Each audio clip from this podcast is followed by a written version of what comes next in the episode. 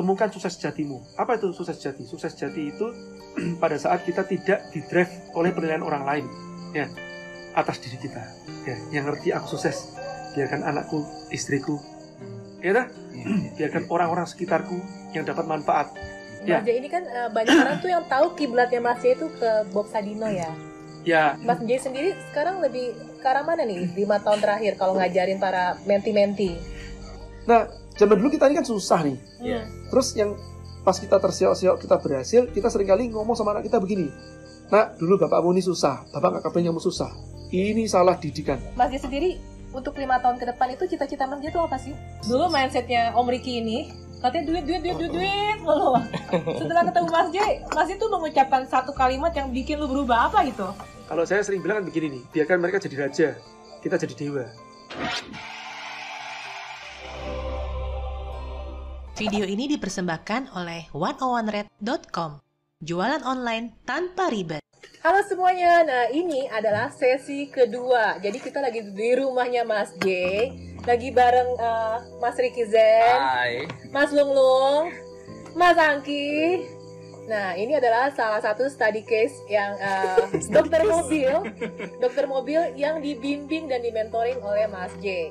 Tapi sebelum nanti kita lanjut ke sini, nah kita mau lanjutin tadi yang sesi pertama, yang videonya udah saya upload dua hari yang lalu. Oke, Mas J, eh, mau tanya nih, lanjutan nih ya. Ada nih waktu aku post tuh di eh, kemarin di YouTube kan, Mas J itu siapa sih? Eh, kok bisa mentoring mentoring orang? Emangnya bisnisnya sukses kayak gitu loh. Ini ini orang yang nanya ya, bukan Hmm. aku ya Mas J. Paling pertanyaannya gini, yang pertama yang pertama, Mas J itu bisa mendapatkan ilmu untuk bisnisnya Mas J sendiri sampai mentoring Iya. orang itu. Mas J itu bergurunya sama siapa? Iya, iya. Kemudian yang kedua, kok masih bisa gagal gitu? Betul, betul. Oke. Yang pertama saya tanya duluan, sukses itu apa? Nah, itu loh yang Itu. Para peserta ditanya sukses Kalau itu sukses itu ukuran Anda adalah materi, ya berat banget.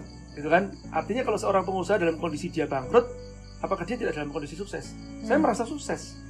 Ya, Ya. dalam kondisi bangkrut saya sukses. Sukses saya menemukan jati diri saya yang sesungguhnya, yang sebelumnya kalau saya naik mobil mewah itu karena didrive oleh penilaian orang lain, sekarang saya tidak beda saya saya nyemput anak saya naik sepeda ontel tidak merasa diri saya lebih rendah saya naik mobil saya tidak merasa lebih- saya lebih tinggi. Menurut saya saya sekarang lebih sukses daripada dulu.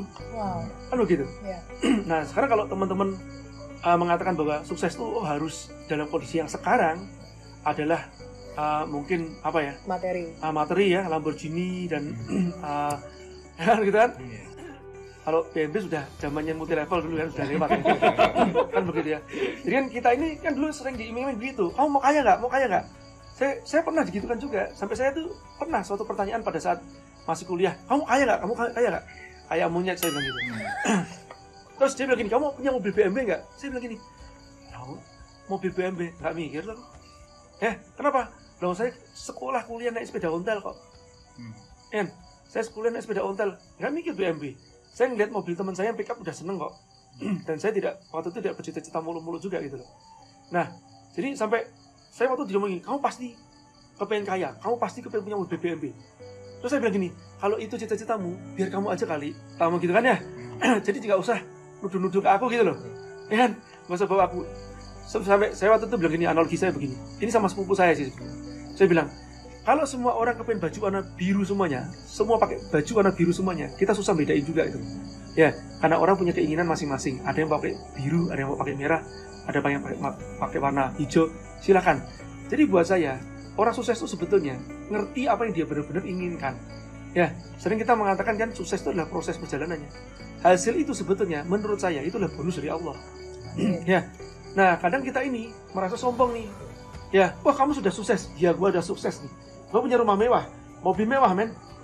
Eh, itu titipan kali. Besok sebentar lagi diambil gitu. Ya, bangkrutin kamu. Nangis, terus kamu merasa kamu tidak sukses. Tidak, justru kamu sukses dalam kondisi kamu bangkrut. Kamu bisa lebih beriman. Nah, itu buat saya sukses. Saya merasa saya tidak tidak kurang kesuksesan saya tuh. Saya merasa bahwa aku lebih sukses daripada dulu malah. Pada saat aku punya mobil mewah, ya.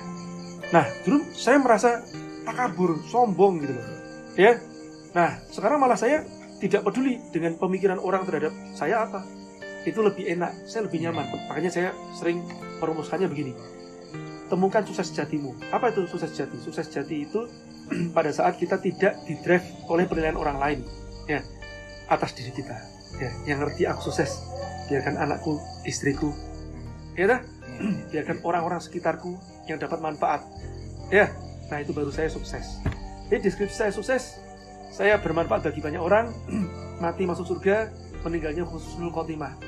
Nah kan begitu. Ya, nah itu jawaban saya. Oke Mas J, Ya. Mas J ini kan eh, banyak orang tuh yang tahu kiblatnya Mas J itu ke Bob Sadino ya. Ya, Mas J sendiri sekarang lebih ke arah mana nih lima tahun terakhir kalau ngajarin para menti-menti? semua mentor saya itu pasti berpengaruh pada diri saya.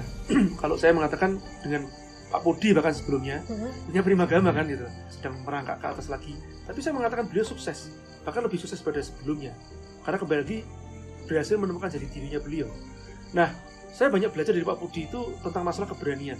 Yang tadinya saya misalkan nih, termasuk ini keberanian yang tidak baik ya. Hutang loh, ya. Itu dulu saya nggak berani, jadi berani.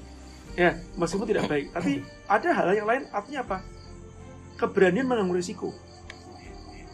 Nah, sampai ya mau beli properti berani, ini berani. Ini saya praktekin sendiri. Jadi keberanian itu seperti apa? Itu yang saya temukan dari Pak Pudi. Unlock kreativitas. Maksudnya apa? Kreativitas gini, kadang-kadang kita tuh mentok ya dengan sesuatu yang terlalu banyak teori lah di benak kita. Nah itu saya dapat juga dari Pak Pudi bagaimana cara unlock kreativitas kita. Oh ternyata cuma seperti gini. Contoh nih ya, Pak Budi kalau pakai bahasa yang sim- simpel-simpel begini. Eh, marketing itu dibolak-balik aja. dibolak-balik itu bahasa yang mudah kelihatannya. Padahal asli maknanya, maknanya tuh tinggi banget loh. Dibolak-balik itu diferensiasi loh. Kalau sana pakai merah kita pakai putih, ya. Sana pakai hijau kita pakai biru. Itu dibolak-balik. Kalau sana begini kita begini. Kalau sana sudah begini, ada yang begini kita begini. Kan begitu loh. Jadi dibolak-balik, diferensiasi. Nah, yang ini saya dapat dari Pak Purdi. Dari Om Bob, saya juga dapatkan justru malah banyak nilai-nilai spiritual, leadership. Om Bob itu ngajarin wong ke wong, Apa itu? memanusiakan manusia. Nunjukin di depan saya bagaimana sopirnya Om Bob itu diperlakukan kayak anaknya sendiri beneran. Pada saat suatu saat dan Om Bob kan eh, kasih apa eh, seminar di Batam nih. Nah saya yang organize, saya yang apa yang eh, nganter-nganterin ke mana-mana. Pada saat paginya pulangnya langsung mau ke eh, ke Singapura. Terus saya tanya sama Om Bob, Om ke Singapura ngapain? Cuman berangkat pagi terus sore langsung balik gitu kan? Nggak nginep sekalian Om. Saya tawarin begitu terus Om Bob bilang gini, bahasa Inggris begitu kan? Intinya Bob mengatakan, "Eh, aku ke Singapura bukan buat aku, Jay. Dia ini ke Singapura bukan buat aku. For him dia bilang gitu kan. I just want to show how great Singapore is dia bilang gitu. Dia mau nunjukin eh, seberapa keren lah gitu Singapura itu kan. Ini ke supirnya. Ya. Ini super loh. Ya. Nah seperti inilah Om Bob ya. Saya dapat suatu makna apa yang sebenarnya? Magic moment. Bagaimana dia mengunci namanya emosional seseorang. Orang ini kira-kira dia akan sumpah nggak sama Om Bob untuk setia iya. saya aja pernah dibuat seperti itu sama Om Bob. Suatu saat saya dibelain sama Om Bob karena suatu perkara, itu Om Bob tuh marahin orang gara-gara orang itu mau menjauhkan saya sama Om Bob. Sampai dimaki-maki gitu. Kamu siapa kamu? Kamu larang-larang aku ketemu sama anakku. Dia bilang begitu. Belain saya sampai segitunya. Minggir kamu, muka muka melihat mukamu. Oh itu Om Bob udah marah seperti gitu. Di tempat makan loh. Dia ngomong seperti gitu. Nah inilah Om Bob. Saya melihat leadershipnya Om Bob yang luar biasa yang kuat. Ya, terus Om Bob itu ini yang hal yang mungkin sekarang langka. Kita sering kalau saya ngomong Om Bob ini bahkan sebagian dari teman-teman Muslim sering ngomongnya apa? Itu figur pakai celana pendek buka aurat kok diomongin. Kita tuh ngeliat tuh fisiknya itu loh. Ya, kita ngeliat fisiknya. Tapi Om Bob yang jelas satu hal. Om Bob tidak pernah sebentar aja aku sholat dulu. Ya, adanya gini. Bentar aja aku tinggal dulu. Tiba-tiba dia sholat. Dia nggak kepengen namanya ibadahnya dia itu diketahui orang lain. Itu luar biasanya Om Bob. Nah, di sini aku belajar tentang makna ketulusan dari Om Bob itu apa. Kata-kata jangan berharap, ya nanti kamu kecewa, ya. Terus tentang konsep tiga lingkaran, lingkaran apa logika, kebijaksanaan dan lingkaran iman atau total surrender. Itu saya banyak belajar dari Om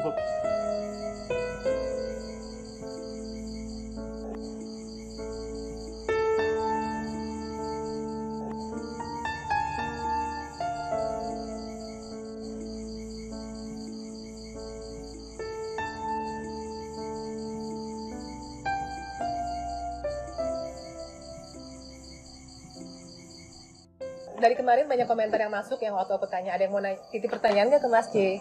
Jadi banyak juga nih ya yang uh, apa sih yang bisnisnya itu bisa dibilang bukan stabil ya tapi stagnan gitu loh. Hmm. Atau bisa juga ya bisnisnya udah stabil, maksudnya tuh omsetnya udah bagus lah. Tapi cara scale up-nya itu cara dia mengekspansinya itu gimana gitu. Iya. Kalau yang pertama ya bicara masalah stagnan tuh nomor satu kan kita harus lihat marketnya dulu kan. Hmm. Ya. Nah marketnya masih potensial atau enggak? Hmm. Berdarah-darah ya sunrise, sunset harus cek dulu kan. Ya. Kalau dia dia sudah berdarah-darah, stagnannya dikarenakan persaingan, karena mungkin barrier to entry-nya ke industri tersebut tipis, ya. Itu ya lebih baik kita mulai pikirkan untuk pengembangan usaha berikutnya atau produk yang lain mencari produk bintangnya Hmm. kan begitu nah kita sudah mulai harus research untuk membuat proyek bintangnya jadi supaya kalau bisa sebelum itu jatuh sebelum stagnan sudah riset duluan proyek bintang makanya namanya divisi research ini nggak boleh putus gitu loh. Terus begitu kita dalam kondisi berjaya punya duit riset lagi. Punya duit riset lagi. Ya untuk menemukan bintang-bintang berikutnya. Nah itu bicara masalah stagnan ya. Jadi harus cek kondisi marketnya ya. Sering juga yang terjadi adalah nah, balik lagi ke tadi teman-teman tidak punya diferensiasi dalam suatu Iya. produk. Cuman ngikut-ikut doang. Ya kebanyakan latah gitu loh. Ada kepal Milo, kepal Milo, ada cappuccino cinco, cappuccino cinco, ada jual hijab, jual hijab. Tidak punya diferensiasi yang kuat. Sehingga stagnannya biasanya juga banting-bantingan harga. Terus habis itu mati. Nah, balik ini balik yang kemarin yang tadi kita bahas lagi ya tentang masalah diferensiasi dan brand. Nah, ada satu lagi tadi pertanyaannya yang Kalian kedua. kalian udah stabil, Nah, stabil terus mau expand gitu. Nah, stabil ma- mau expand itu bisa lihat formula saya tentang hulu hilir vertikal horizontal. Nah, jadi untuk pengembangan usaha bisa ke hulu, kuasai hilir dengan akuisisi bisa juga ya. Kuasai hulu juga bisa ya. Akuisisi merger bisa juga. Bahasanya berat banget. Nah, sebenarnya nggak nggak susah sih. Memang dilakukan oleh perusahaan-perusahaan besar. Tapi bisa juga kita akuisisi user juga bisa juga kok ya. Atau mungkin beli pabrik yang mati juga bisa. Paling gampang begitu. Lari ke hulunya. Contoh nih ya, bis- kita lihat nih. Nah ini ada sponsor nih ya, Dia Bakery misalkan ya. nah, eh, Dia Bakery ini eh, ini katakanlah omsetnya sudah besar ya. ya. Nah, terus mau mengembangkannya usahanya ke mana? Outletnya sudah ada di mana-mana. Nah, dia bisa lari ke hulu misalkan. Eh, apa sih yang paling banyak dibutuhkan oleh Dia Bakery? Misalkan keju, buat pabrik keju. Oh, oke. Paham ya? Nah, bisa juga import terigu atau tepungnya sendiri. Ya kan? Atau mungkin kalau produknya ternyata lebih banyak pakai packaging. Mungkin ya, pakai packaging. Iya. Ya sudah, dia buat membeli mesin packaging. Sehingga nanti menjadi satu industri packaging sendiri. Setelah lari ke hulu, dia akan lebar ke hilir lagi. Maksudnya apa? Kalau tadi ini naik ke hulu adalah keju, ya, sama tepung. Dia nanti untuk memperlebar market size-nya ini, ah, market ah, share-nya, dia supply ah, supply lagi ke tempat kompetitornya dia. Hmm. gitu. Nah, di sinilah sebetulnya nanti kalau sudah jadi gede banget, kompetitor itu sudah kabur gitu loh. ya, artinya bisa jadi yang tadinya kompetitor kita, eh sekarang malah jadi partner ah, ah. Jadi end user jadi pemakai. kalau saya sering bilang kan begini nih, biarkan mereka jadi raja, kita jadi dewa. Benar gitu ya? Iya. Mereka jadi raja. Ini raja-raja kecil, kita bantuin mereka riset dan apa, kasih resep-resep, tapi yang supply kita gitu. Kenapa tidak gitu? Kayak Ricky sama Lulung, kan larinya ke sana juga. Awalnya mungkin dia prototyping di sini. Ya, terus naik ke atas, import, ya, uh, mesin-mesin yang berkualitas atau part-part itu untuk diprogram, di-coding, diapain, dia distribusikan. Tadinya yang toko-toko atau bengkel-bengkel yang jadi kompetitornya dia, sekarang jadi partner malah. ya, ya, jadi sebenarnya tidak usah itulah apa ya gunanya menjaga kredibilitas uh, atau value pada saat berkompetisi. Kalau kita pada saat berkompetisi dengan cara yang nice, yang bener gitu kan, dan mengetahui konsep rezeki, nggak akan meleset seperti peluru di medan perang, nggak usah, aduh, nyi- nyinyir-nyinyiran sama kompetitor kita seperti itu. Itu nanti pada saat, eh, kita naik ke hulu, dia mau bersatu sama kita. Iya. kan begitu ya? Nah itu kredibilitas kita akan ditentukan kemudian. Saya ingat suatu quotes itu. Uh, your quality will be known among the enemies before ever you meet them my friend ya. nah itu filmnya Kingdom of Heaven and Earth ya jadi kualitasmu uh, akan terdengar ya akan terdengar oleh musuh-musuhmu bahkan sebelum kamu berjumpa dengan mereka. Ya. Nah, terus dia menutup kata-katanya apa? Pada saat ketangkap lagi dia dibebasin lagi, loh. Dia bilang, you reap what you sow. Kan itu ya. Nah, kamu akan menuai apa yang kamu tanam. Kalau dulu kita bijak dengan kompetitor, kita nggak merasa itu kompetitor yang harus kita cengirin atau kita tonjokin atau bagaimana, ya tetap baik, nice kan? Mungkin jadi bisa jadi mereka akan jadi penolong-penolong kita di masa yang datang. Bisa jadi loh, ya, ya kan? Nah, makanya udah kalau jadi pengusaha itu nggak bersombong deh. Ya, Nah sekarang nanya nih, gue nanya ke Lulung apa ke Riki nih? Lulung, Lulungnya duduknya ngadepnya ke sana dikit. Ya. Lung, di kalau kalian ingat di video gue sama Lung Lung, dia ada ceritain gimana bengkel dokter mobil itu dalam waktu berapa bulan ya? Sekarang udah sampai 8, mu- 8 bengkel kan? 8 8 bengkel itu, ya Bulan kan? 7 mau buka 3 lagi. Bulan 7 mau buka lagi 3. Nah, ini eh, yang gue tahu, tadi kan kita udah ngobrol duluan nih sebagai intro ya. Awal-awalnya tuh bengkel itu masih konvensional banget ya. Yes. Masih cuma satu bengkel. Uh, dulu waktu ketemu Mas J itu bengkelnya udah 4. Cuma apa namanya uh, belum benar-benar maksimal. Jadi baratnya transaksi yang ada itu uh, masih biasa gitu.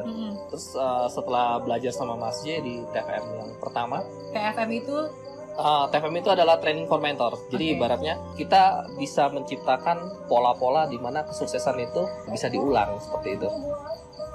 Jadi berarti lu bikin SOP-nya, bikin untuk diduplikasi kayak gitu. Yes, kebetulan kan saya sama Lung Lung kan ibaratnya benar-benar bagi pekerjaan gitu. Kebetulan eh, saya beresin bagian marketing, ba- beresin bagian teknis dan manajemen gitu.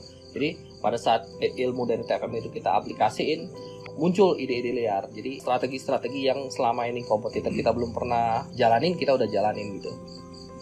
Oke, lu pernah bilang ke gue, Tin, lu mesti ketemu banget sama Mas J. Mas J itu pinter banget ngebuka, ngebuka mindset orang. Dulu mindset gue, ini gue ngomongin, lu yang ngomong ya. Yes, yes. Dulu mindsetnya Om Riki ini, katanya duit, duit, duit, duit, duit, mulu. Setelah ketemu Mas J, Mas J tuh mengucapkan satu kalimat yang bikin lu berubah apa itu? banyak sih ibaratnya saya belajar sama Mas J.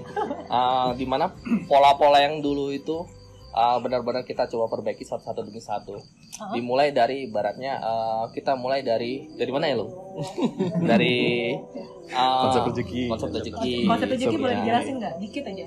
Silakan. Ya, itu yang tadi dibilang rezeki seperti peluru di medan perang nggak akan tertukar kalau memang sudah jatahmu ya kan jadi ya eh, kita belajar untuk bertanggung jawab atas kredibilitas kita yang akan kita bangun jadi kalau memang kita salah ya kita salah kita benar ya kita benar jangan disalahkan ke anak buah gitu loh karena kan kita berhubungan dengan jasa ya kalau misalkan ada salah sama customer ya sudah minta maaf dan memang saya sebagai pimpinan kita yang tanggung gitu loh jadi dari situlah kredibilitas terbentuk dan DNA bisnisnya terbentuk sehingga si karyawan ini juga akan memirror kita gitu. Jadi ketika mereka betul-betul kita ajarkan konsep rezeki itu mereka benar-benar tahu Wow, dahsyat itu. Jadi rezeki yang kita telan nggak muntah lagi. itu dahsyat itu benar-benar dahsyat itu. Jadi mulainya sih dari situ sih. Memang itu yang pertama kita saya kita- saya akui memang itu yang pertama kita perbaiki dulu. Itu baru ngerembet ke yang lain gitu loh. Ketika dulu kan saya pernah ngomong kemarin kan itu bisnis abis bangkrut, otomatis saya punya sumpah serapah. Nah, dari situ baru menyadari betapa bodohnya sumpah serapah itu gitu loh. Jadi mencari eh, arah yang baru lagi ketika dapat itu ya udah kita kejar gitu loh. Kita bener-bener kejar gitu loh. Dari situ baru pengembangannya ke samping dan pengembangannya ke hulu sekarang. Nah, kita di Indonesia, saya nih, apalagi saya ya, saya dari Australia itu udah capek. Ketika ditanya, kamu dari mana? Jakarta, Indonesia. Oh, Indonesia sebelah mananya Bali? gitu kan? gue benci banget dibilang begitu. Iya, gue benci banget dibilang begitu. Nah, eh, kita ini lagi berusaha untuk membuka pabrik di Indonesia dan eh, syukur-syukur hari ini eh, kita itu sudah mulai meriset cairan-cairan yang akan kita pakai sampai ke teknologi mesinerinya semuanya maunya kita dari Indonesia. Salah satunya kenapa ya saya sudah muak ditanya Indonesia sebelah mana ya Bali itu aja sih. Gue udah muak banget gitu kan. Mau gue buktiin ini loh karya anak bangsa ini bisa begini.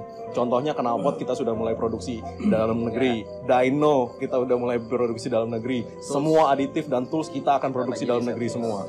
Dan dua Makanya tahun lagi kita udah dua tahun lagi kita mau hajar pabrik pokoknya gila-gila sekalian gitu loh cuman ya eh, dengan mimpi besar butuh SDM yang kuat dan butuh support dari orang-orang yang bener juga gitu loh cuman ya kalau kita yakin dengan apa yang kita kerjakan dan kita percaya bahwa kalau memang itu rezeki kita ya hajar aja why not bisa apa nggak urusan nanti kan Wow.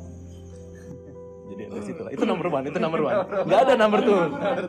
Jadi eh, si Lung Lung ini sebelumnya setelah saya ikut TFM 1 ini eh, mungkin saya baru ngomong di sini doang ya. Dengan begitu saya selesai ikut TFM, saya bilang Lung Lung, ini TFM ini bagus banget. Ya, saya belajar begini begini begini. Oh jadi awalnya lu dulu yang ikut dulu, ya? dia yang nomor satu TFM. Kira-kira sama adiknya. Saya kirim, Ya. saya nomor dua TFM Jadi dua. setelah belajar dari TFM, ibarat saya saya sharing ke Lung Lung eh, ilmu-ilmunya. Eh, setelah itu tahun berikutnya Lung Lung baru ikut. Jadi setelah Lung Lung ikut TFM juga, dia ngerasa wow, ternyata ilmu seperti ini ada gitu loh. Jadi kemudian saat itu baru eh, kesombongannya luntur gitu. Setuju. Jadi ini baru ngomong di sini doang. Setuju, setuju. Tapi itu aja butuh setahun ya buat ngeyakinin lu untuk ikut TFM. Oh enggak emang TFM tiap tahun bukan Oh. bukan ada secara berkala enggak. Jadi kalau lu mau ikut ya tahun depan Tapi gitu. Mas Riki itu gila itu. Jadi termasuk eh, salah satunya beli rumah berapa M ya? Terus kemudian dibangun kos-kosan udah menghasilkan duit itu mungkin 50 60 juta. Per bulan. Terus dihancurin lagi. Jadi Terus kemudian dijadikan enggak pusat-pusat pendidikan. Jadi Oh, ceritanya gue pengen nanti kayak Mas J gitu kan. Ini semua yang datang ke sini harus gratis kan gitu kan. Itu sampai kayak gitu. gitu. Jariah nih. Itu kan gue nyebutnya sama Jariah nih. Gitu. Keren keren keren keren. Nah terus eh, apa yang lu rasakan setelah lu mulai bagi-bagi ilmu gratis? Kan kadang orang tuh suka mikir ah bohong lah ini gila gue bagi-bagi ilmu gratis orang nanti ngeremehin segala macam. Gue pengen ngelihat secara bukti konkret nih apakah benar dengan lu membagikan sering sharing itu akhirnya berbalik lagi ke lu juga gitu loh. Eh, baliknya dalam banyak hal ya maksudnya ketika kita sharing begitu kita otomatis mensortir semua teman-teman terdekat kita eh, dari yang benar-benar belajar benar-benar ya value-nya sama sama yang enggak gitu loh. Nah nomor satu memang ada aja lah yang namanya rezeki itu pasti dibukakan di di tempat-tempat yang kita nggak tahu juga. Dan banyak boncosnya juga jangan salah. Eh, namanya teman ya boleh teman ketika kita udah ngomong bisnis itu urusannya totally different gitu loh. Dan eh, saya lebih suka berbisnis yang nggak pakai kontrak-kontrakan gitu loh kontrak itu kan hanya dibuat oleh manusia. Dia mau langgar kita mau bisa apa? Kan Iya, gitu. iya. lebih baik yang aku jaga ngomongan dia jaga ngomongan ya sudah gitu. Itu malah jauh lebih bagus. Dan ya kita dapat banyak eh, trainee trainee trainee lah ya. Saya belum berani bilang menti lah ya. Trainee trainee kita yang berkualitas karena kita ada sharing ke salah satu orang tuanya atau gimana. Nah itu malah kualitinya saya berani saya berani adu deh sama orang lain deh. Mereka kalah lah pokoknya lama anak-anak ini umur 17 umur 18 itu kita punya sekarang ada 3 4 mungkin. Bagus-bagus loh. Iya. Nah terus mungkin pertanyaan gue lagi ya. Kemarin tuh ada yang komen di postingan YouTube video gue sama Lung Lung ya. Jadi komen gini, oke sekarang Lung Lung ngejelasin kalau setiap usaha itu mesti punya yang namanya uh, unique value proposition. Yes diferensiasi. Emangnya unique value-nya dokter mobil apa? Gue sih udah tahu, tapi mungkin lo bisa jelasin lagi. Unique value dokter mobil adalah kita tidak eh, gini loh yang kayak misalkan tune up cairannya terus akinya olinya itu kan produk. Iya. yang kita jual itu bukan produknya yang kita jual adalah eh, si user itu menjadi seseorang. Kayak misalkan eh, kita menjual AC nih AC mobil yang kita jual adalah garansi dan rasa aman. Jadi rasa aman customer itulah yang kita jual. Karena kan kita menggaransi pekerjaan kita menggaransi spare part kita sampai kalau memang problem kita ganti nggak pakai tanya bon gitu loh. Nggak nggak ada maksudnya eh, diferensiasi kita adalah garansi. Bengkelan Gitu loh. Perhitungan ya? nggak tahu saya nggak ngomong Karena lain nggak tahu. gitu loh. kalau untuk menjual tune up dan produk racingnya eh, kita menjual dia menjadi somebody gitu loh. Dia ketika dia mengkonsumsi produk kita eh, dia bisa lebih eh, mengekspresikan dirinya di mobilnya atau bisa lebih puas dalam driving experience-nya nah itulah yang kita jual feeling itu gitu loh Oke. feeling greget ketika digas mobilnya lari itu ada feelingnya gitu loh Oke. nah itu yang kita jual sebenarnya Kalau yang gue lihat sih bedanya lu ya, gue tuh berapa kali ke Gading karena rumah mertua gue di Gading. Bengkel lain tuh kiri kanan sepi, bengkelnya tuh tiga baris mobil. Mobilnya tuh tiga baris, padahal cuma satu ruko. gue sih keren banget.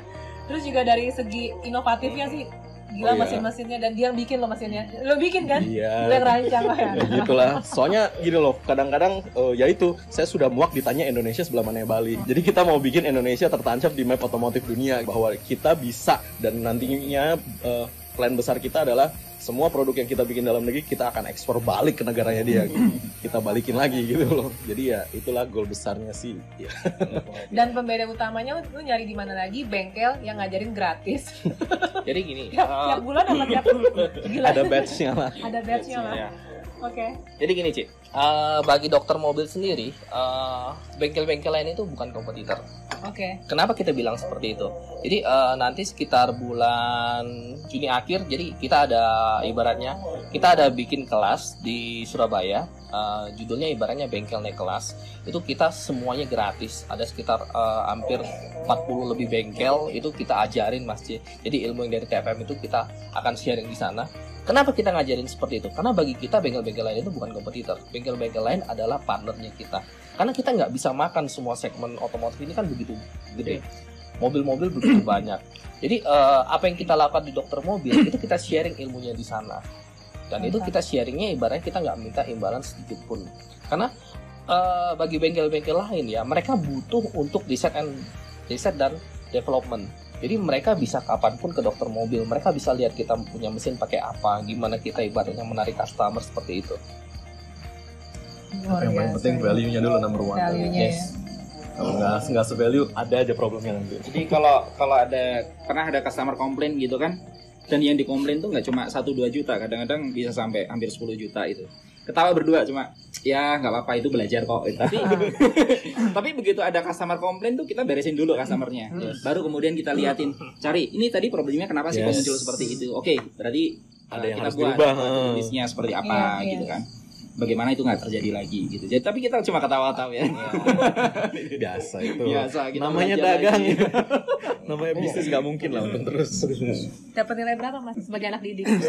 110 Mantap luar biasa. melebihi daripada yang diajarkan. Oke, eh, sebelum gue nanya balik lagi ke, ke lu ya, gue nanya lagi ke Mas eh, J ya. Hmm. Mas J, eh, Mas J sendiri untuk lima tahun ke depan itu cita-cita Mas J itu apa sih? Dari segi bisnis, dari segi pengembangan pendidikan atau pemberdayaan UKM atau bagaimana gitu? Nah kan kamu juragan ya jelas itu udah jadi cita-cita kita. Karena kan sebenarnya kan gini, ya kisru politik inilah ya. Isu yang, politik. Ya kisru politik yang nggak Kisru. jelas. Ya Oke. mau mau kayak apa pun kondisi politik kita ini memang kan selalu ribut-ribut. Udah daripada ribut-ribut, saya terpikir untuk sama kawan-kawan ya bergandengan bersama-sama yang sudah satu value ya itu untuk membangun peradaban baru. Jadi kita membangun kampung juragan itu, kita mulai dari desa. Prototyping desa mandiri. Ini sebenarnya apa sih? Indonesia itu dari dulu tuh nggak mandiri sebenarnya. Jadi selalu dijajah. Kalau nggak dari jajah oleh Amerika, dia jajah sama Cinaan gitu loh. Hmm. gitu aja. Jadi kita kepengen mandiri. Untuk mandiri itu kita harus berdaulat secara pangan, secara produksi. Nah makanya kita ingin membangun kampung juragan. Ini bersama sama kawan-kawan. Itu kembali lagi dipertemukan, didatangkan orang-orang yang sevibrasi itu Terus kemudian kita akan tinggal di sana membangun kampung juragan termasuk mengkader para pebisnis bermoral di pesantren juragan. Kampung juragan sendiri nantinya akan ada pertanian, peternakan, perikanan terpadu organik. Jadi ini konsepnya apa? Visi kita adalah menciptakan sistem perekonomian mandiri yang rahmatan lil alamin. Nah, namanya rahmatan lil alamin itu menjadi rahmat bagi alam semesta, tidak hanya bagi manusia. Artinya apa? Ya harus organik itu. Kalau non organik, dia akan merusak ekosistem sekitarnya. Cacing juga kena. Ya. Nah itu kita pikirkan. Sampai insya Allah pun juga rencana kita nanti eh, apa sumber energi itu harus energi ya terbarukan ya. Kan sana kan kita nyarinya di tempat mata air. Ya tempat mata air tempat sungai kan? Sama angin. Nah ini kan angin sungai matahari bisa jadi sumber energi. Nah ini yang yang akan kita eh, lakukan itu kalau ini berhasil ya harus berhasil sih entah berapa lama kita akan cloning duplicate untuk membangun di desa-desa yang lain. Ya bangun desa-desa yang lain. Kenapa dari desa-desa? Yaitu untuk menciptakan pertama kali adalah kedaulatan pangan. Supaya kita nggak perlu import. Ya oh Indonesia itu gemari palo jinawi ngapain masuk import? Yang konyolnya kan importnya kebanyakan harus diekspor lagi itu super konyol banget ya Nah, untuk itu sudah daripada kita menyalahkan kanan kiri, kita lakukan sendiri aja dari yang kecil satu desa. ya. Terus, oke, eh, mindahin orang-orang ke tempat Cipanas nih misalkan, kan nggak mudah. Kita cari orang yang sudah biasa jauh aja. Apa itu kita ke Korea kemarin kan? Nah di Korea kan teman-teman sudah biasa merantau. Apa sih bedanya kalau mereka pindah titik sedikit lah, lebih dekat atau lebih jauh daripada eh, apa orang tuanya tapi masih tetap sama-sama di Jawa? Ya, Nah itu ya alhamdulillah responnya bagus pada mau pindah. Dan yang luar biasanya dari kawan-kawan yang di Korea itu pun juga ini Korea sudah ada UB Korea loh. Mereka tuh ini pergerakan kita yuk bisnis ini. Tidak saya danai. Ini teman-teman harus tahu. Jadi nggak saya danain mereka itu mendanai sendiri mandiri. Termasuk di Korea dia satu apartemen. Untuk mereka pertemuan apartemen bulanan bayarnya tapi pertemuannya cuma setiap satu minggu karena mereka liburnya satu minggu kumpul di situ belajar bersama-sama. Ya nah ini terus mereka pulang nanti ikut kita ke tempat uh, kampung juragan. Tinggal kita kasih pilihan tadi mau jadi apa? Ya petani peternak ya atau di perikanan atau di industri. Nah jadi ada kluster pertanian peternakan perikanan ada kluster produksi juga. Nah guru-gurunya sudah kita siapkan. Ya kurikulumnya ini sedang kita godok saat kurikulumnya nanti termasuk pas kita pindah ke sana anak kita nanti bagaimana pendidikannya? Sudah kita uh, persiapkan sendiri. Ya sudah kita bentuk semacam kayak kementerian-kementeriannya lah. Sudah kita bentuk sudah saya saya juga yang membuatin checklist lah ya. Checklist per masing-masing kementerian harus ngapain saja. Nah itu ke depan pemikirannya ke sana. Kalau untuk yuk bisnis pengembangannya insya Allah nanti UB akan menjadi one service ya untuk UKM ya yang komplit UB nanti ada sistem akuntansi atau keuangannya terpadu di dalam situ. Nah terus kemudian permodalan.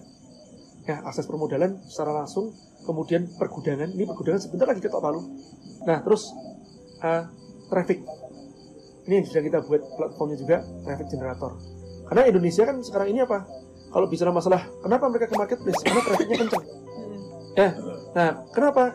Karena kita nggak punya traffic sendiri. Kita traffic kita banyak bergantung sama IG sama Facebook cita-cita saya membuat traffic sendiri. Contoh nih loh ya Kristina kan sekarang punya traffic nih dari youtuber nih dari sebagai youtuber kan Iya. punya traffic. Teman-teman influencer punya traffic. Pertanyaan saya cuma satu rumahnya di mana? Nggak punya rumah.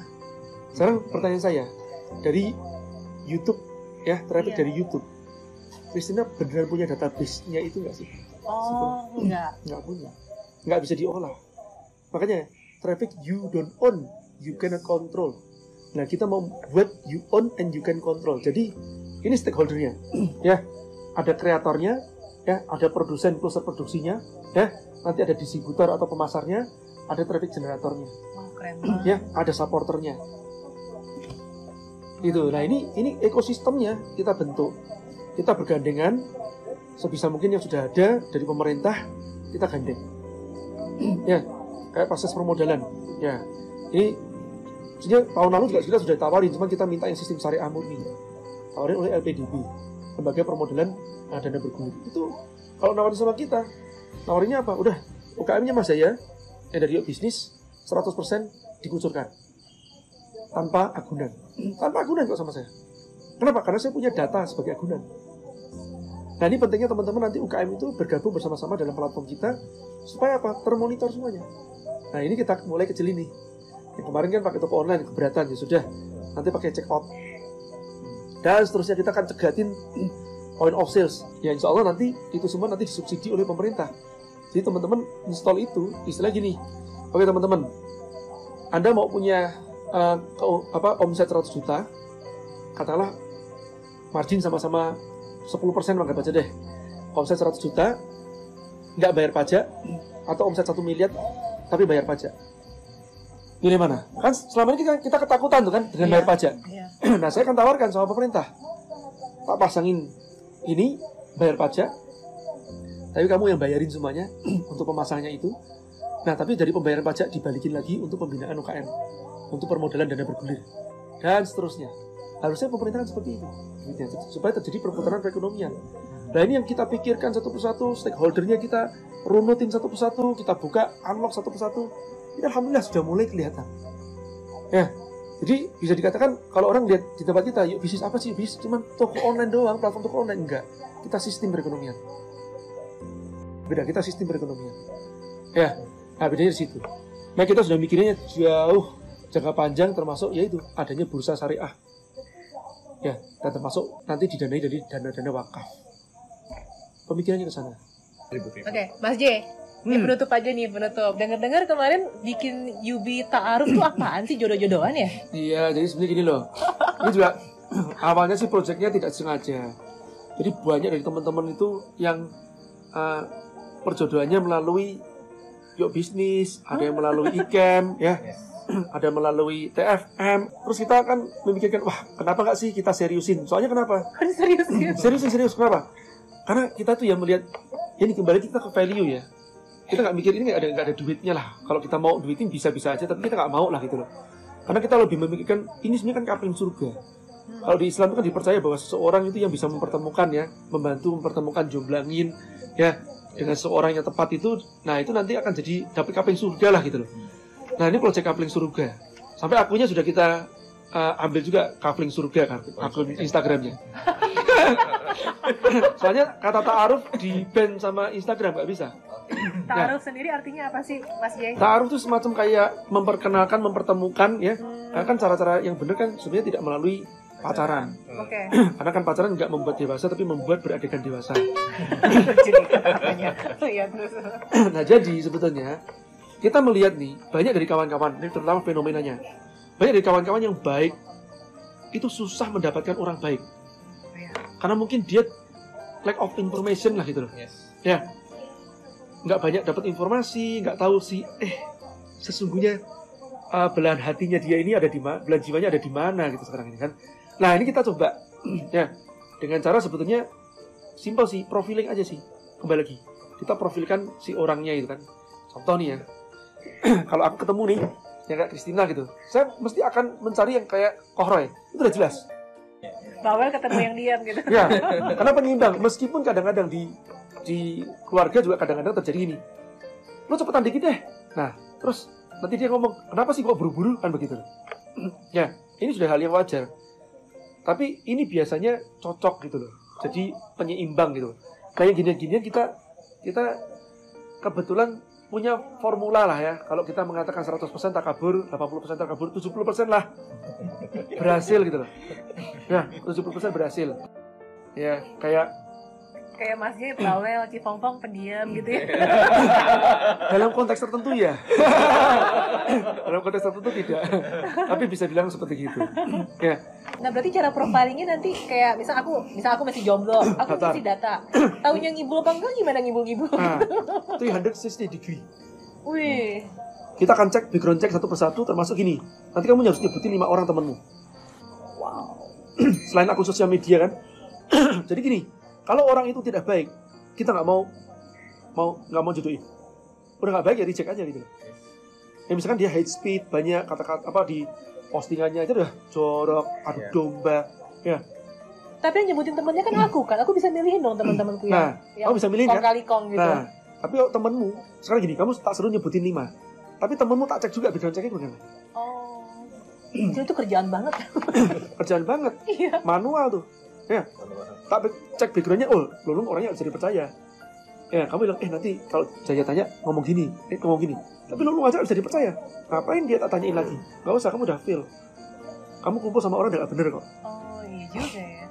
Wow. ya itu itu baru satu hal banyak masih banyak nanti yang lain-lain. Ah, agak sedikit rahasia sebenarnya sih. Iya jauh udah jangan saya yang rahasia. Tapi, Iya. tapi udah dapat tapi ketawanya direkam lah. Iya. nanti nanti semacam ya intelijen kan sebetulnya kan dia apa ya eh, ada proses Iya. gini loh kayak jawab begini konsisten inkonsistensi dalam jawabannya akan Iya. ketahuan Berarti ini khusus jomblo kan? Bukannya ingin Jomblo. bukannya ingin nambah lagi kan? ingin nambah kalau dia kalau dua-duanya mau ya silakan aja Oh gitu. Jadi dan disahkan silakan aja tahu banyak cowok nih yang masuk. Loh, nah itu tadi dia kata sama Lulung datanya menunjukkan bahwa jauh Iya. lebih banyak Jauh lebih banyak cewek berkualitas. berkualitas Nah, tapi kan ngomong cewek berkualitas daripada cowok berkualitas. Betul, betul, betul. betul. ini sedikit ya tambahan ya ini fenomena Iya. kenapa sekarang banyak cowok- cowok-cowok tidak berkualitas terutama begini nih di zaman milenial sekarang ini dulu di zaman dulu mungkin angkatan saya lah mungkin nah zaman dulu kita ini kan susah nih. Iya. terus yang pas kita terseok-seok kita berhasil kita sering kali ngomong sama anak kita begini. Nah dulu bapakmu ini susah bapak nggak kapan kamu susah. Ini salah didikan. Iya. Iya. betul. ini yang terjadi sekarang. Kita kasih anak-anak kita kemudahan-kemudahan apalagi itu laki-laki dikasih kemudahan-kemudahan. Sehingga dia kehilangan kekuatan. Dia kehilangan daya juang. Itu banyak cowok seperti kayak gini nih. Ya kalau saya sering bilang bahasa kasarnya si burung emas burungnya terbuat dari emas sehingga dia apa eh, diam-diam aja nggak kerja gitu ya yang kerja si perempuannya gitu ya. ya. Nah, generasi ini, generasi si burung emas ini banyak banget. Ya. Nah, milenial banyak seperti itu. Makanya saya tipsnya begini, hati-hati menikah atau mencari laki-laki dari anak orang kaya. Itu paling hati-hati. Mendingan kamu cari anaknya orang miskin, tapi itu jadi fighter gitu. Ya. Daripada dia dapat anaknya orang kaya, nanti habis tuh ya habis tuh Ya, Soalnya gini, orang kaya sekarang itu akan tumbang 10 tahun kemudian bisa jadi. Kenapa? Disruption. Iya. Ya toh? Nah begitu si generasi angkatanku aja lah banyak yang sudah tumbang. Di angkatanku nih. Udah deh. Nah, ini buka-bukaan ya berarti harusnya. Iya. Aku usia berapa ya? Di usia aku sekarang sudah banyak teman-temanku yang sudah malas belajar. Fighting spiritnya mungkin udah udah kendor lah. Hidup tinggal menjalani aja. Nah, aku mungkin karena dulu jarang pakai otak ya. banyak nyontek gitu kan. Oh gitu. Jadi otakku masih ori kan. Nah, sekarang lagi semangat semangatnya belajar aku. Ya, alhamdulillah aku dapat hambatan-hambatan, dibangkruti dan macam-macam. Aku lebih semangat belajar lagi nih. Ya, lebih kenceng kan begitu loh. Naikkan daya gilingnya kan, kan buat bayarin utang. nah, jadi eh, balik lagi, fighting spirit itu, itu fighting spiritnya mereka kurang, terus kemudian dimanjakan oleh harta dari orang tua, kemudian bisnisnya biasanya dalam 10 tahun, 5 tahun, 10 tahun akan turun. Karena kena disruption, perubahannya cepat banget. Begitu dia bangun, "Eh, eh, udah berubah semuanya. Terus mau belajar udah malas, ya kan? Momentumnya udah drop semuanya. Akhirnya apa? Istrinya yang kerja. Itu sekarang banyak kejadian seperti itu. Yang perempuan-perempuan kerjanya jago-jago dan mau nggak mau, karena pas suaminya nggak mau kerja. Gila gak tuh? Ya. Nah yang kayak gini nggak akan masuk ke Yubi Taruf nih. ya reject tuh ya. Saya lebih utama mempertemukan wanita-wanita berkualitas ini. Ya. Gitu sih niatannya Mantap, insya Allah. Kalau lo, lo mau masuk di taruh boleh nggak? Gila lu no sensor, no sensor. Pertanyaan nyeplos. Pertanyaan nyeplos ini. Langsung istri gini sini sunat. Istri satu aja udah kebanyakan. Dua lagi mati gue. Kenapa kebanyakan gitu ya? Ini Satu aja ribet gitu. lumayan, lumayan, lumayan. Oke, kayaknya gitu aja sesi kedua. Ini udah banyak banget ilmu-ilmu yang diberikan oleh Mas J. Bahkan juga tadi disumbangkan juga triks-triksnya para Ciela, foundernya dokter mobil. Bagaimana cara mereka mengembangkan dokter mobil sampai unit value differentiation-nya itu apa. Sampai di sini dulu. Saya Kristinali. Jaya Setia Budi. Angki, Anda. Belum. Ricky buat yang udah nonton sampai di sini, thank you banget for watching. Kalau ada yang ingin tanya-tanya, jangan lupa juga komen, jangan lupa kasih jempol, dan jangan lupa subscribe, subscribe karena subscribe itu gratis. Bye semua. Bye, Bye dong Mas ya. Bye. Bye.